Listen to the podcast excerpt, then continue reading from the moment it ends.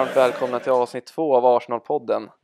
Det vi tänkte gå igenom idag är matchen senast här mot City, eh, hur den matchen har påverkat pressen som nu är på Arteta eh, och även eh, slutet av vårt transferfönster och hur vi tror det kommer se ut efter uppehållet som kommer nu. Eh, och då kan vi gå in direkt på matcherna som vi har spelat eh, nu i veckan sen senaste podden. Ja, absolut och det är väl först och främst då West Brom som eh, definitivt var en positiv insats. Eh, den mest positiva på länge och eh, den stora höjdpunkten där var väl att Aubameyang fick komma igång igen och, och så till med ett hattrick och eh, vi hade väl inga egentligen svaga insatser i den matchen utan samtliga gjorde det bra. Det var en bra debut av Ramsdale och eh, det var skönt att få vinna igen. Verkligen. Eh, många har ju påpekat det att det var ju West Broms i stort sett eh, tredje lag som vi mötte. Men oavsett motstånd så var det nog framförallt skönt för laget och Arteta att få känna att eh, vi kan göra mål. Vi har liksom ett bra ett bra spel i oss ändå liksom, eh, efter de här tunga förlusterna och då kände väl allihopa liksom att kom igen låt det här bli liksom en språngbräda uppåt eh, och att vi i alla fall kan göra en okej okay insats mot, eh, mot City. Eh, men riktigt så blev det ju kanske inte. Nej, och sen ska vi också tillägga där mot West Brom att det var ju kul att få se Ödegård igen i, i en Arsenal-tröja och han gjorde det verkligen bra i den matchen. Men som du som du syftade på där så överskuggades väl allas insatser där och hela laget i sig av, av det som hände mot City när det blev torsk mot, med, eh, med 5-0 och Ja, som vi var inne på i avsnitt ett, vad hade vi väl båda skrivit av den matchen lite grann, men det mest negativa i sig var ju inte förlusten utan sättet som vi förlorade på och hur dåliga samtliga spelare var egentligen och hur fel Arteta fick det taktiskt. Verkligen. Eh, vi började ju faktiskt matchen ganska bra och lyckades ändå pressa City ganska högt och hade ändå initiativet första men, ungefär 10 minuterna eh, och man kände ändå att liksom eh, vi kan ändå kanske få ut något av den här matchen eller i alla fall eh, förlora med heder. Eh, men sen hade City sin, eh, sina första bolltouch på våran planhalva och de eh, första toucherna ledde till mål direkt. Och återigen släpper vi in mål på inlägg mot City. City som har ett lag med ganska kortväxta spelare och man känner väl inte att deras största hot gentemot oss är via inlägg och i luften. Men det vart ett inlägg som Gündogan av alla spelare lyckades nicka in och ja, man tappade det faktiskt nästan redan där. Ja, exakt. Och sen blev det bara ännu värre när Xhaka drog sitt patenterade eh, röda kort. Eh, det var ett tag sedan han gjorde en sån idiottackling som man nu ändå får kalla det och när det hände, det är det sista vi behöver när vi redan ligger under och efter, därefter så rann ju bara matchen iväg egentligen och det gick inte för oss att återhämta oss. Eh, han gick ut nu i en intervju efter och har sagt att han inte tyckte det var ett, eh, ett bra domslut. Det är väl inte så förvånande att han säger det, men han träffades ju faktiskt bollen även om jag tror att alla förutom han eh, kunde se nästan direkt att det här kommer bli ett rött och man har väl lärt sig att acceptera det nu med Xhaka, eh, att han inte kommer att växa ifrån det här som man hoppades att han kunde göra i, i början av sin Arsenal-karriär när han ändå var ganska ung. Men eh, det här är väl något vi, vi aldrig kommer att komma ifrån när det gäller Xhaka. Tyvärr, och det som gjorde det ännu mer frustrerande var ju det att man såg att domaren först hade fram det gula kortet men sen efter vad jag tror är att den assisterande domaren pratade med han i örat att eh, du får inte ta fram det röda och då böt han till det röda kortet och visade ut Xhaka direkt. Och som du säger, det här är någonting eh, och kanske den största anledningen till att folk hatar på Xhaka och tycker vi ska sälja. Just det att han har problem med sin disciplin och får sådana här hjärnsläpp. Um, och det är så himla tråkigt att se för att när han inte har de här hjärnsläppen och, och så vidare så är han verkligen en bra spelare, en av våra bästa spelare. Eh, och därför har ju alla tränarna som sagt, som vi sa i första avsnittet, gjort bedömningen att han är värd att ha på planen trots de här eh, hjärnsläppen som kan förekomma ibland, tyvärr. Ja exakt och sen så även om Arteta ska få väldigt mycket kritik så är det ju än igen så att han blir tvingad lite på ett sätt att, eh, att ställa upp en ganska oprövad backlinje i ett oprövat system. Um, det blir ju Kolasinac som får gå in här som en vänster mittback tillsammans med Chambers och Holding och ja, man kunde ju liksom se på pappret på förhand att det här inte skulle sluta bra defensivt. Um, även om laget ställer upp ja, med en fembackslinje som, som ska fokusera på defensiven så ser man ju på spelarkvaliteten i, i just mittbacken att eh, det kommer bli tufft. Um, men om vi går in på vad som vi gjorde bra i matchen. Det enda jag egentligen kommer på, det var väl det som du var inne på där de första, jag tror det var första sju minuterna innan vi släpper in eh, första City-målet där så, så gör vi det ju bra i pressen och det var även Pep inne på i, i matchen efter, även om han alltid hyllar eh, Arteta med en massa lovord. Förmodligen på grund av deras eh, nära relation. Eh, men det var något han, han hyllade i efterhand. Verkligen och som sagt vi börjar bra och det ser positivt ut men det som är med den här upplagan av Arsenal och som tyvärr har varit någonting som funnits hos de eh, senaste upplagorna det är det här att ett, eh, en motgång, eh, ett insläppt mål i, liksom bakåt så faller allt ihop på något sätt. Det känns som att luften går ur spelarna, man tappar liksom eh, mycket energinivå, fokus och vilja på något sätt och ja, det faller som ett korthus tyvärr. Ehm, och det är någonting som oavsett tränare har sett likadant ut och det är väldigt frustrerande. Ja, exakt och det var ju något som Arteta pratade om när han först liksom kom till posten som Arsenal-tränare var att han ville ändra på mentaliteten och, och vinnarkulturen eh, eller den icke befintliga vinnarkulturen i Arsenal och det var därför så många var imponerade och man, man köpte sig in på hans vision direkt i början för han talade, han sa allt det man ville höra. Um, nu är inget av det i stort sett bärt frukten utöver då fa Cup-vinsten som han tog under första säsongen. Um, Exakt, ja. och uh, det är ju lite där uh, jag själv landar mer och mer och även uh, lite andra experter, speciellt en expert som jag följer och gillar i Martin Åslund som sitter i, i Viasat-studion men även eh, figurerar i Eurotalk varje vecka på Dobb TV. Eh, och han är inne på det att Arteta kan säkert bli en väldigt bra tränare. Det känns som att han har väldigt bred kunskap och är väldigt kunnig och duktig och man märker det hur han pratar att han, har, han, eh, han är en bra talare och han övertygar, han har karisma och allt det här som krävs hos en bra ledare. Men att han spelar lite som att eh, han hade liksom de bästa spelarna i världen på varje position, att det är den typen av fotboll han vill spela, eh, att vi spelar väldigt svårt och då blir det ju väldigt svårt när vi dessutom möter kanske en ännu bättre tränare i Pep som vill spela samma typ av fotboll och som har inte världens bästa spelare på varje position men som har lyckats värva till sig betydligt bättre spelare än de spelarna som vi har i Arsenal och de spelarna som Arteta basar över. Så att det blir liksom eh, frågan är om det är väldigt naivt från Arteta eller om det är liksom det får bli förlust här men vi ska förlora på vårt sätt. Um, och att liksom Åslund var ju då inne på det att med det här materialet så kanske man borde ha en annan taktik, en annan inställning, kanske vara mer flexibel eh, oavsett så är han inne på att Arteta har fel approach och att eh, Arteta är fel man för jobbet.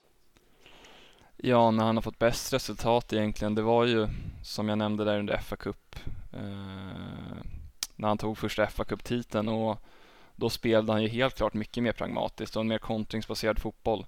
Så vi får se om det är det han kanske en framtida tränare eller om han själv kommer till den insikten att det här tiki-taka-spelet eh, kanske inte håller i längden. Ja, vi nämnde ju en annan tränare förra poddavsnittet, det är Brendan Rodgers i Leicester. Och han har ju också som grund och som filosofi att han vill spela en offensiv, attraktiv fotboll liknande den som City spelar, liknande den som Arteta vill eh, spela. Eh, men han har ju visat många matcher att han kan vara flexibel och spela mer pragmatiskt eh, eller defensivt. Inte minst som exempel i FA-cupfinalen eh, förra säsongen mot Chelsea där han har en mer defensiv approach och nästan kontrar hem eh, segern och matchen. Men det känns inte som att han har någon prestige eller eh, stolthet i hur man vinner matcher utan han vill vinna. Eh, men sen att man har som grund att man ändå vill spela en attraktiv fotboll.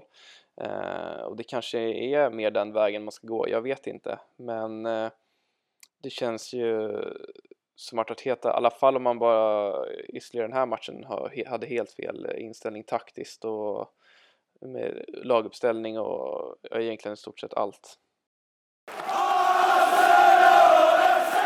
Då så, om vi nu kanske går in lite mer då på hur mycket tid vi personligen skulle ge Arteta. Eh, vad har du att säga där? Hur, hur mycket tålamod har du kvar för honom? Eh, jag känner ändå det att nu när man har valt eh, från ledningen att eh, investera pengar i truppen och på så sätt även pengar i Arteta Eh, med massa värvningar så tycker jag att man bör ge honom mycket mer tid än bara de här tre första matcherna. Det känns som att det hade varit lite oprofessionellt att sparka honom redan nu. Eh, utan att i alla fall ge honom de här matcherna efter landslagsuppehållet och efter det kanske man kan göra en mer seriös bedömning. Och jag gillar ju personligen Arteta så att jag hade gärna sett att han får eh, alltså mycket tid fram till jul eventuellt eh, och verkligen hoppas att det ska börja se bättre ut. Jag tror att det kommer börja se bättre ut. Jag vet inte vad du känner där?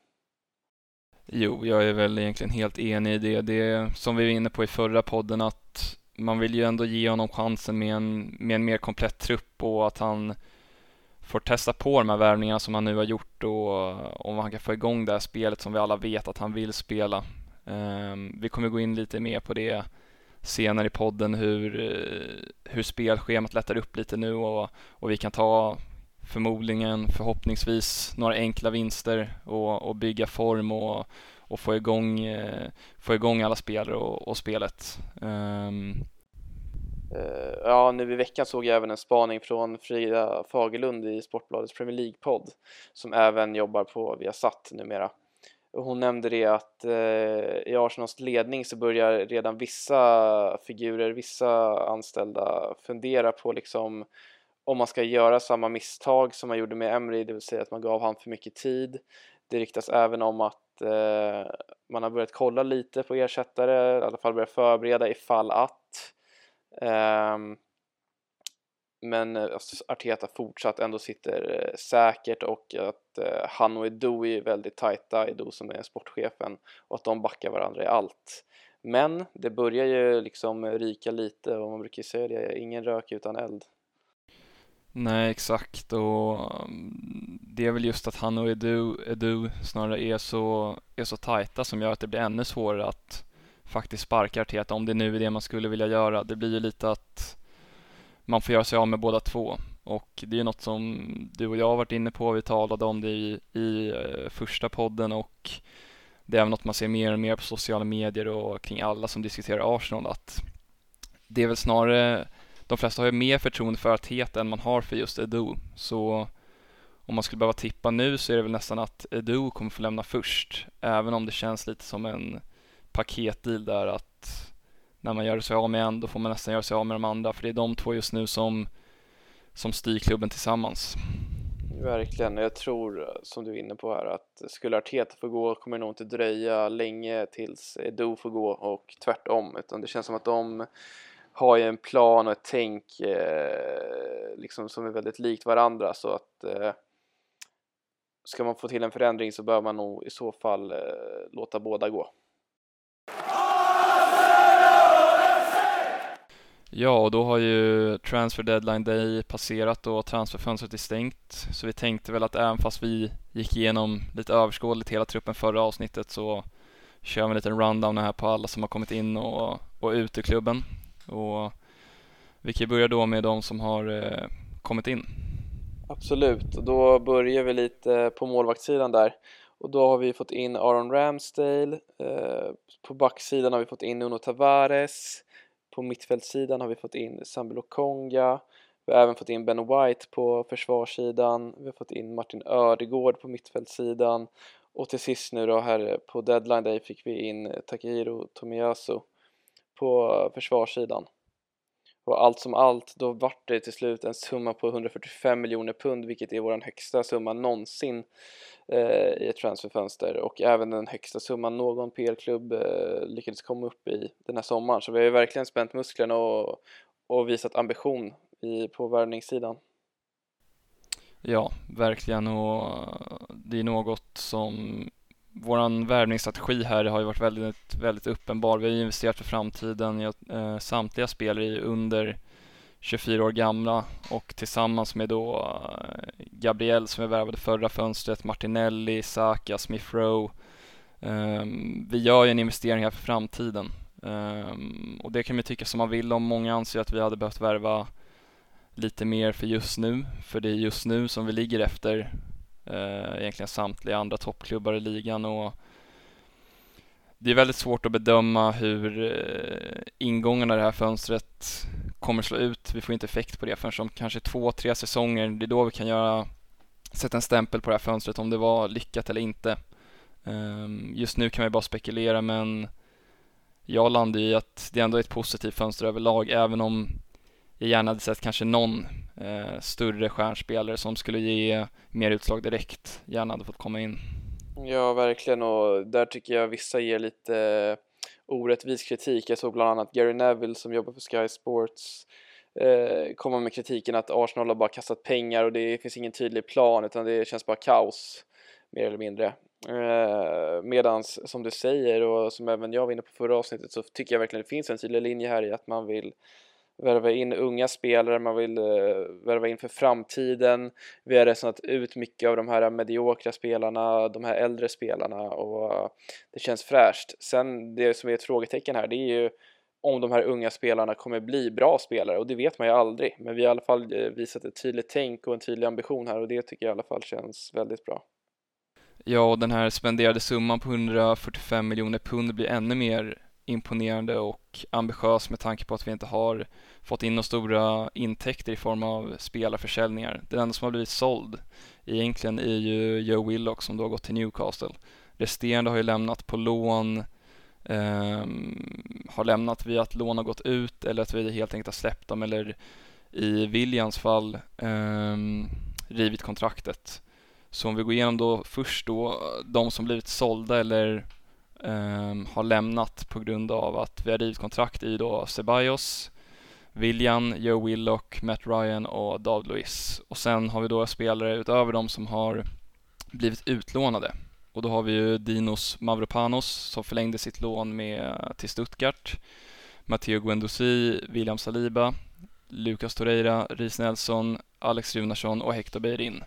Um, och när man läser ut eller upp alla de här namnen som har antingen blivit sålda eller utlånade så tror jag alla Arsenal-fans, inklusive dig och mig, känner sig ganska positiva till att det här är spelare som inte eh, tar upp stora löner eller som eh, klumpar upp den här truppen med spelare med låg kompetens.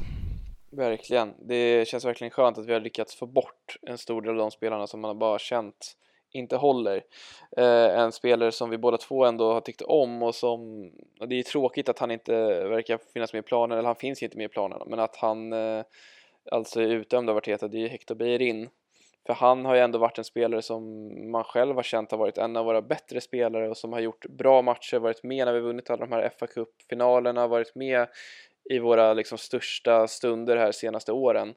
Eh, och han har känts som eh, en given högerback som vi absolut inte behöver byta ut. Men nu är alltså han en spelare som Arteta, som klubben anser behöver bytas ut och som inte håller. Eh, så han är väl den spelaren man känner lite bittersweet kring att han får lämna. Resten känner man är väldigt rimliga. Ja, ehm, och vi har ju då ersatt Beirin med, som vi var inne på tidigare, eh, Tomiyasu från Bologna. Och eh, det känns som en spännande värvning även om eh, jag tror både du och jag och väldigt många andra inte egentligen hade någon kunskap om honom innan han blev köpt.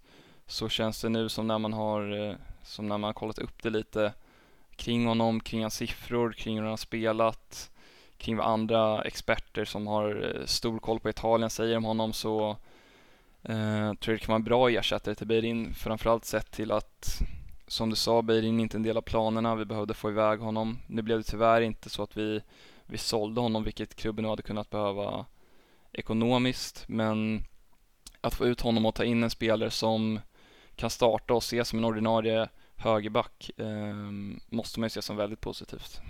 Ja, verkligen och det känns ju också som hans profil då passar in eh, mer i hur Arteta vill spela. Vi pratade om det förra avsnittet att vi har haft eh, Chambers väldigt mycket i den positionen som också är en lång, stark fysisk back som passar i den här lite mer inviterade rollen som eh, Arteta verkar vilja använda sin högerback i. Och Tomiyasu är lång, han är 1,88, han verkar vara passningsskicklig. Han kan ju även spela då som mittback, vilket man hamnar i sådana situationer ofta när man spelar som en sån indragen högerback. Så att hans eh, sätt att spela på, hans profil verkar ju vara som klippt och skuren för Arteta, hur Arteta vill spela.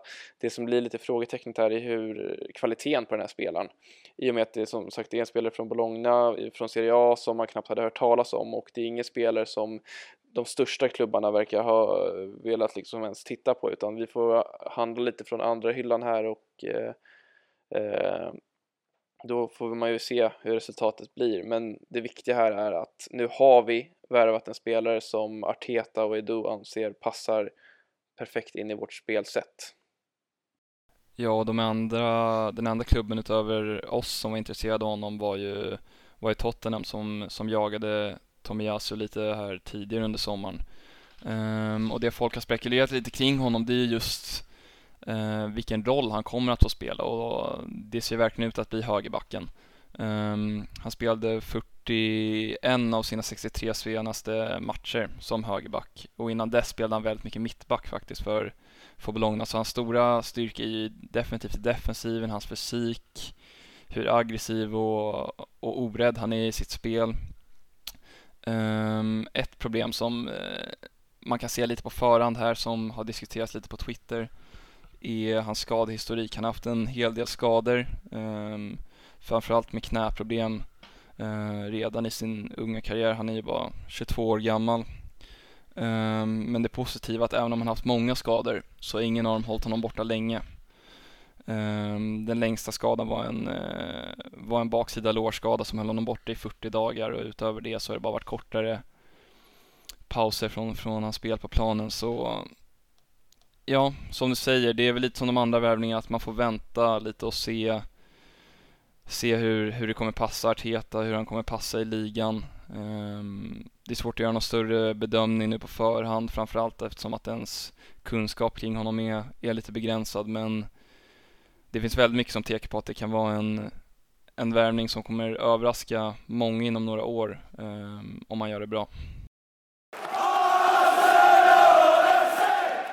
Ja, och då går vi in på den avslutande delen av det här avsnittet och det är eh, hur vi tror att det kommer att se ut efter uppehållet, eh, hur vi ändå ser att det kan bli en ny start och ändå liksom startskottet för den här säsongen och vändningen av den här negativa trenden och eh, vi ser verkligen som sagt att det kan bli en ny start med tanke på det enklare spelschemat. Som vi alla vet så inledde vi väldigt tufft med ett eh, svårt spelschema framförallt eh, med tanke på Chelsea och Manchester City.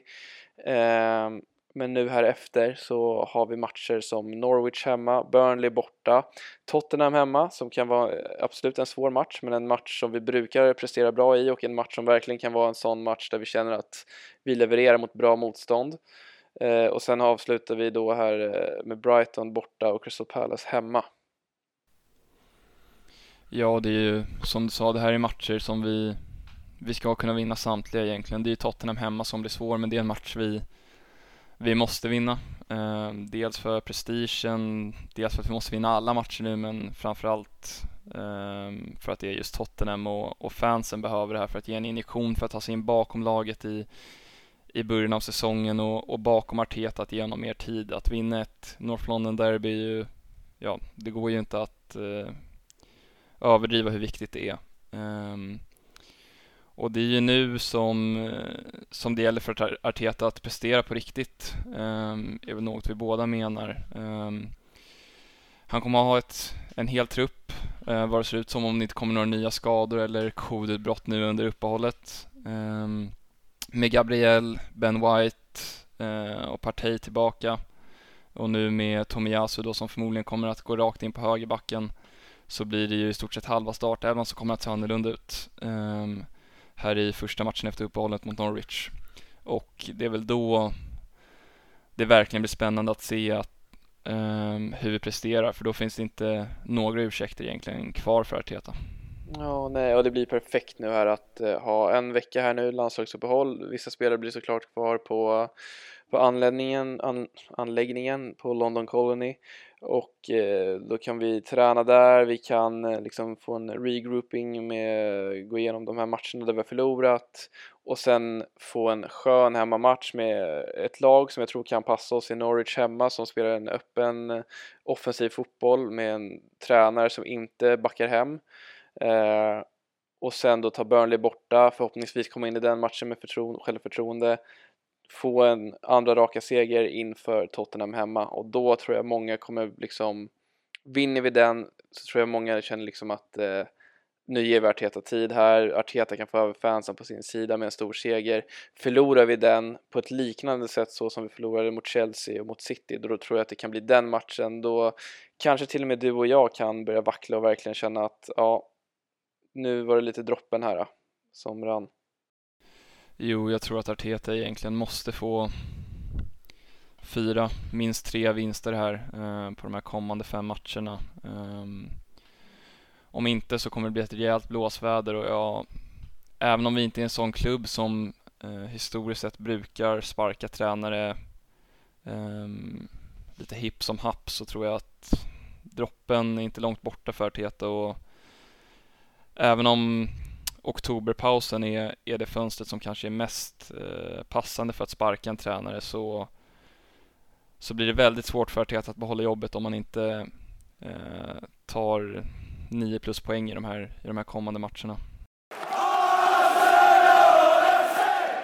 Ja, det var väl lite allt det vi hade tänkt prata om idag och som, eh, som vi sa senast så vill vi verkligen tacka till dig eller er som har lyssnat på det här avsnittet och kritik, feedback är väldigt välkommet. Som sagt är vi två väldigt orutinerade poddare så att eh, tips och allt möjligt är verkligen något som vi behöver. Så var inte rädda för att hojta till där ute. Eh, annars så ses vi ju efter landslagsuppehållet i nästa podcast. Jag vet inte om du vill säga några avslutande ord Felix? Nej, det är väl bara att instämma med det du säger om om ni tycker om podden, om ni vill se oss fortsätta, om ni tycker det är bra, rekommendera oss gärna till vänner. Lämna en review här på Apple Podcasts och eh, så får vi hoppas att vi får mer positivt här, eh, mer positiva resultat efter uppehållet och utöver det så tackar vi för oss och vi hörs nästa vecka. Det gör vi.